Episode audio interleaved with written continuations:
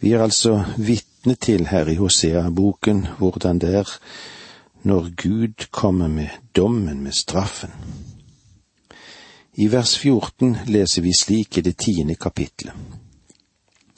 Derfor skal det reise seg stridsgny i ditt folk, og alle dine borg skal ødelegges, like som Sjalman ødela bedt av Arbel på stridsdagen, da mor og barn ble knust. Sjalman, ja, Sjalman, det er en forkortelse på Sjalmanasser, den asyriske kongen Bet Arbel og det henviser mest sannsynlig til et sted der grekerne kaller seg, eller kaller for Arbella. Det er i den nordlige delen av Galilea. Det er trolig at en gang var det et slag her. Selv om det er vanskelig å identifisere den sekulære historie hvilken hendelse som eksakt henvises til i dette verset, så skjedde det noe underlige og store ting akkurat der da mor og barn ble knust. Dette er en metode som ikke bare ble brukt av asyrene, men også senere av babylonerne. Dette ble nevnt av israelsfolket da de satt og gråt i Babylon. Salme 137, vers 8 og 9. Babels datter, du som er herjet, sel er den som gir deg gjengjeld for det du har gjort mot oss. Sel er den som tar dine småbarn og knuser dem mot berget. Det folket brukte, var en fryktelig og brutal og rå metode for å knuse all motstand i krig. Vi kan jo bare spørre om det egentlig var så usivilisert som det lyder. Er det noe bedre i dag, tro? Hva kan vi lese om i våre aviser, ja nesten hver dag om ødeleggelse for barn. Av brutaliteter som på så mange måter overstiger det tidligere tider og det som skjedde, der. Eller tenk på abortsituasjonen. Ja, jeg vet at det er mange fortvilede avgjørelser som tas, og at mennesket gråter. Men det er også mange med kynisk overlegg som er villig til å ta det ufødte barns liv fordi det en gang passet dem beste. Vers 15 Slik vil jeg gjøre med dere i Betel fordi deres ondskap er stor. Når det gryr av dag er det ute, ja, ute med Israels konge. Asyrene kom, og over natten ble Israel kapitulert og transportert til Asyria til et livslangt slaveri. Vi eh, har nå kommet til kapittel 11, ja 11 og 12. Israel må dømmes, men Gud vil ikke gi dem opp. Når vi går inn i kapittel 11, så åpner det en ny tone.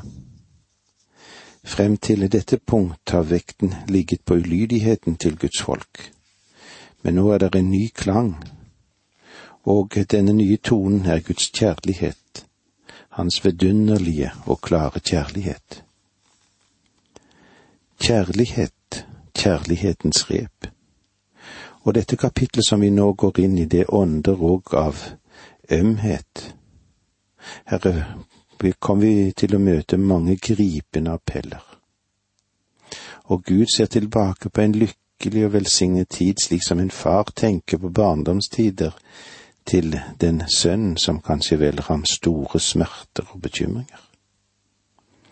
Han tenker òg tilbake på kallet Egypt og beskriver hvordan Israel i lydighet mot hans ordre kom ut av dette landet og ut av landets avgudsdyrkelse. Han forteller òg at Israel som et lite barn skal lære å gå.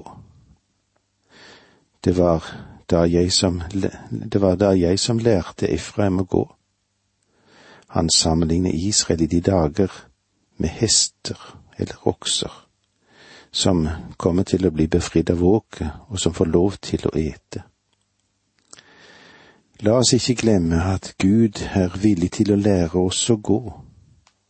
og han bærer oss om det er nødvendig. Israels velsignede barndom er blitt som en overskyet morgen. De var frafalne, men det er ikke lett å kvitte seg med Guds kjærlighet. Hvordan skal jeg kunne oppgi deg, Efrem? Hvordan skal jeg kunne gi deg til pris i Israel? Hvordan skal jeg kunne gi deg opp som Adma, gjøre med deg som Seboim? Mitt hjerte vender seg i meg, all min medynk våkner. Jeg vil ikke fullbyrde min brennende vrede, jeg vil ikke igjen, jeg vil ikke igjen ødelegge Efrem, for jeg er Gud og ikke et menneske. Den hellige midt iblant deg, jeg kommer ikke med glødende harme. Dette er et motiv for våre bønner. Var det mennesker vi hadde å gjøre med, kunne vi bli fortvilet. Men det er så godt at her har vi med en å gjøre som tilgir oss etter sin nådes vidunderlige rikdom. Skulle du leve utenfor Guds samsyn, så kan du være sikker på at Gud venter på han venter på deg, og han vil ønske deg velkommen inn i sitt rike. Det er et underlig og vidunderlig kapittel vi nå skal gå inn i, og vi leser i det første verset der i kapittel elleve. Da Israel var ung, fikk jeg ham kjær. Jeg kalte min sønn fra Egypt. Dette verset taler hovedsakelig om Israels folk, og det er ikke tvil om at det er slik. Det sier noe om det nære fellesskap mellom Gud og folket. Faktisk så sier Gud, Israel som nasjon var min sønn, og jeg førte ham ut av Egypt. Jeg førte dem ikke ut derfra fordi det var, at de var noen strålende mennesker som tjente meg. Nei, de tjente meg slettes ikke, men eh, tjente avgudene selv, da. Det var ikke på grunn av deres evner eller deres overlegenhet eller noe annet i den retning. Jeg førte dem ut av Egypt fordi jeg elsket dem. Og det er årsaken til han frelste både deg og meg. Han gjorde det av kjærlighet. Han elsket oss. Kjærligheten er ikke grunnlaget for frelsen, men det er motivet for frelsen. Bak denne forløsningen vi har i Kristus, det faktum at han ville dø for oss. For så har Gud elsket verden. Da Israel var ung, fikk jeg ham kjær, sier Gud. Jeg førte ham ut av Egypt, ikke fordi han var verdig til det, ikke fordi han gjorde mange gode gjerninger, men fordi jeg elsket ham. Matteusevangeliet anvendte òg dette verset slik som den Herre Jesus fikk det sagt. La oss se litt i Matteus 2,15. Slik skulle det ordet oppfylles som Herren har talt ved profeten. Fra Egypt kalte jeg min sønn. Det er et eksempel på hvordan et utsagn i Det gamle testamentet også kan ha sin tilpasning for det som kommer i fremtiden. Det barnet som ble født der i Betlehem, blir identifisert med folket. Han er en israelitt. Kvinnen fra Samaria visste dette da hun kom til brønnen. Hun sa til ham, Hvordan kan da du som er jøde be meg, en samaritansk kvinne, om å få drikke? Jødene omgås nemlig ikke samaritanen», som det står i Johannes 4,9. Gud sendte ham til verden for å dø, og den Herre Jesus kom, og han gjorde seg ett med sitt folk. Som barn ble han ført i sikkerhet til Egypt men tiden kom da Gud kalte ham tilbake fra denne sikkerheten til faren som var i sitt eget land. Han sto frem på livets arena der han skulle demonstrere Guds kjærlighet ved å dø på et kors. for å skaffe til veie en forløsning slik at menneskene kunne få lov til å oppleve hans rettferdighet, og det er bare gjennom hans død og oppstandelse at syndene kan bli tilgitt. Han gjorde seg til ett med sitt folk. Han gjorde seg til ett med menneskeslekten. Han identifiserte seg med deg og meg. For så høyt har Gud elsket verden at han ga sin sønn den enbårne, for at hver den som tror på ham, ikke skal gå fortapt, men ha evig liv. Takk for nå, må Gud være med deg. Dette undervisningsprogrammet består av to deler. Åge Nevland fortsetter nå med andre del av dagens undervisning. Vi er i Hosea i det ellevte kapittelet, og dette kapittelet vil vi møte en øm Herre og Frelser.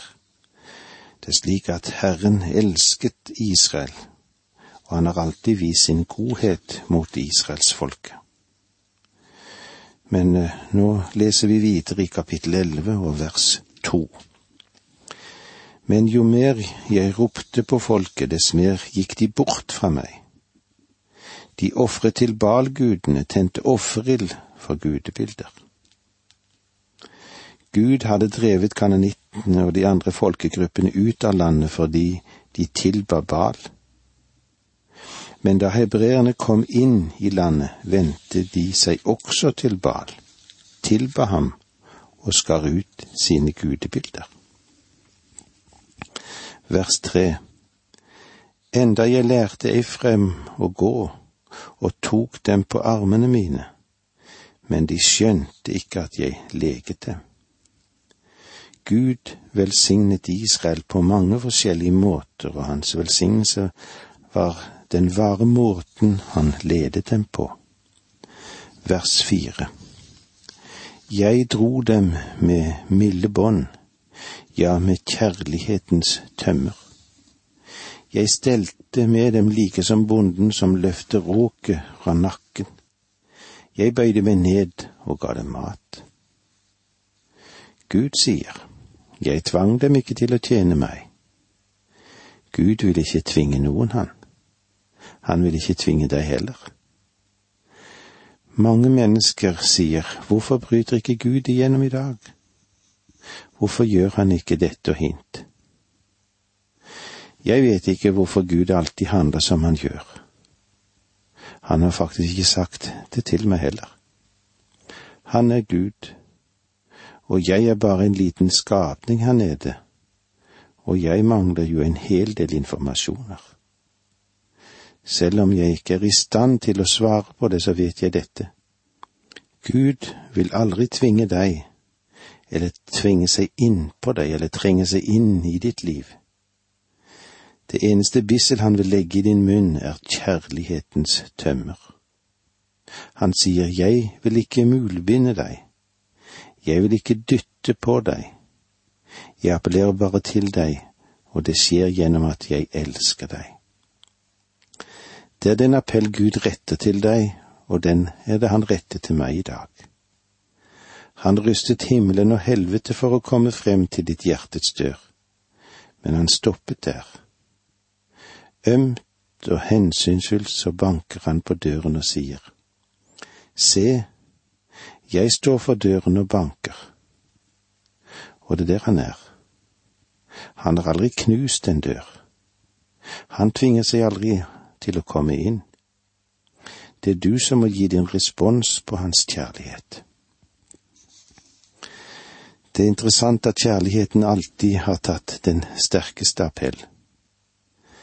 Det sies at Napoleon skal ha sagt følgende. Alexander den store og andre generaler har bygget sine riker, riker, og de har bygget dem på makt. Men Jesus Kristus har millioner mennesker som vil dø for ham, og han bygget sitt rike på kjærlighet. Og det er hans eneste appell til deg og vent ikke at han skal bruke noen annen metode.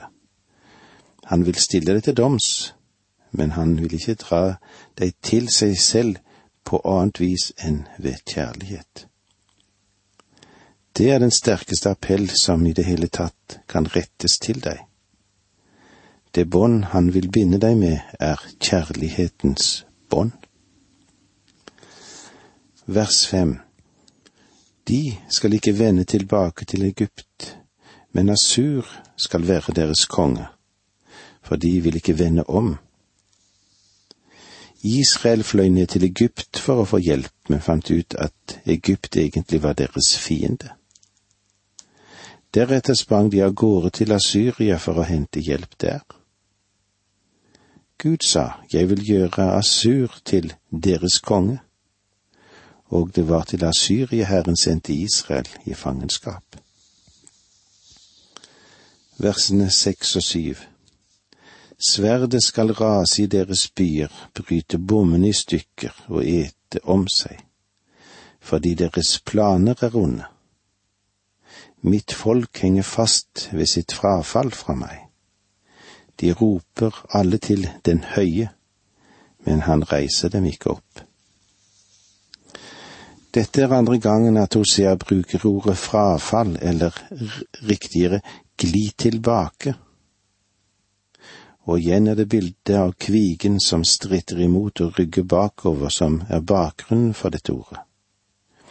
Men i dette med frafall ligger det altså det å nekte å lytte til Gud, og nekte å nærme seg ham. Versene åtte og ni kapittel elleve. Hvordan kan jeg oppgi deg, Efraim, og la deg fare, Israel? Hvordan oppgi deg som Adma, gjøre med deg som Sebudjim? Hjertet vender seg inni meg, all min medlidenhet våkner. Jeg vil ikke følge min brennende vrede, vil ikke legge Efraim øde igjen, for jeg er Gud og ikke et menneske hellig midt iblant dere. Jeg kommer ikke med harme. Dette er en vemodig situasjon. Det synes som om Gud er i et dilemma her, som om han er frustrert. Lytt til ham. Hvordan skal jeg oppgi deg, Efraim? Han ønsker ikke å slippe tak i dem. Gud elsker dem, men på grunn av deres synd må Gud dømme dem. Han kan ikke gå på akkord med sin rettferdighet. Og la deg fare, Israel. Dette uttrykket kan også forstås som å slippe løs eller slippe fri. Gud har ingen annen vei til å frelse deg, slippe deg fri, uten ved Kristi død. Kanskje du mener selv at du har noen frelsesveier, kanskje to-tre veier. Men Gud, han har bare én vei. Når han sier hos Hosea i det trettende kapittelet vers fire, foruten meg er det ingen frelse. Så det er best du lytter til det han sier til deg. Du har ingen frelsesmulighet, men han har. Hvordan oppgi deg som Adma, gjøre med deg som Sebojim. Adma og Sebojim var byer nede på sletten som Gud dømte sammen med Sodoma og Gomorra. Gud sier til Israel, Jeg avskyr å tenke på å dømme dere på samme vis. Men Gud måtte sette strek og i dag er Samaria like øde som de byene ved Dødehavet som nevnes her. Hjertet vender seg i meg, all min, all min medlidenhet våkner. Jeg vil ikke følge min brennende vrede. Med andre ord fikk ikke Israel mer enn en brøkdel av det de fortjente. Hvorfor? Fordi Gud sier, jeg vil ikke legge Efraim øde igjen. Han tar, har til hensikt å forløse dem og føre dem tilbake til dette landet en dag. Den nåværende tilbakevendingen er ikke lik med den forståelsen som vi har av dette verset. Anklag ikke Gud for det som hender med landet i dag, for han får ikke komme til orde slik som han vil. Men Gud skal føre dem tilbake til landet. Hvorfor vil han gjøre det, da? Av én grunn. For jeg er Gud og ikke et menneske, hellig midt iblant dere. Jeg kommer ikke med harme. Og eh, det er ennå noe vi trenger å lære i dag, det. Vi forstår det slik at vi lever i et demokrati, og at våre ledere eksisterer for oss, og eh, at de vil sette i verk de beslutninger som vi tar. Men Gud sier det på denne måten. Jeg er den suverene Gud. Jeg står ikke til regnskap for noen. Jeg har ikke noe å styre og svare for, og ingen har valgt meg til tjeneste. Jeg gjør det jeg vil. Om du ikke liker det Gud gjør i dag, så er det leit for deg. For Gud kommer til å handle som Han vil. Han nekter å stå til regnskap for deg. Det er mye Gud gjør som ikke jeg forstår, men Han er Gud og han skal ikke stå skolerett for meg. Han stiger ikke ned og rapporterer til meg. Gud er Gud, og det må jeg ikke forsøke å ta fra ham. Vers ti De skal holde seg til Herren. Han skal brøle som en løve. Når han brøler, skal hans sønner komme skjelvende fra vest. Gud kommer til å dømme en dom også over folkene i vest, og til dem hører også vi. Og med disse ordene sier vi takk for nå, må Gud være med deg.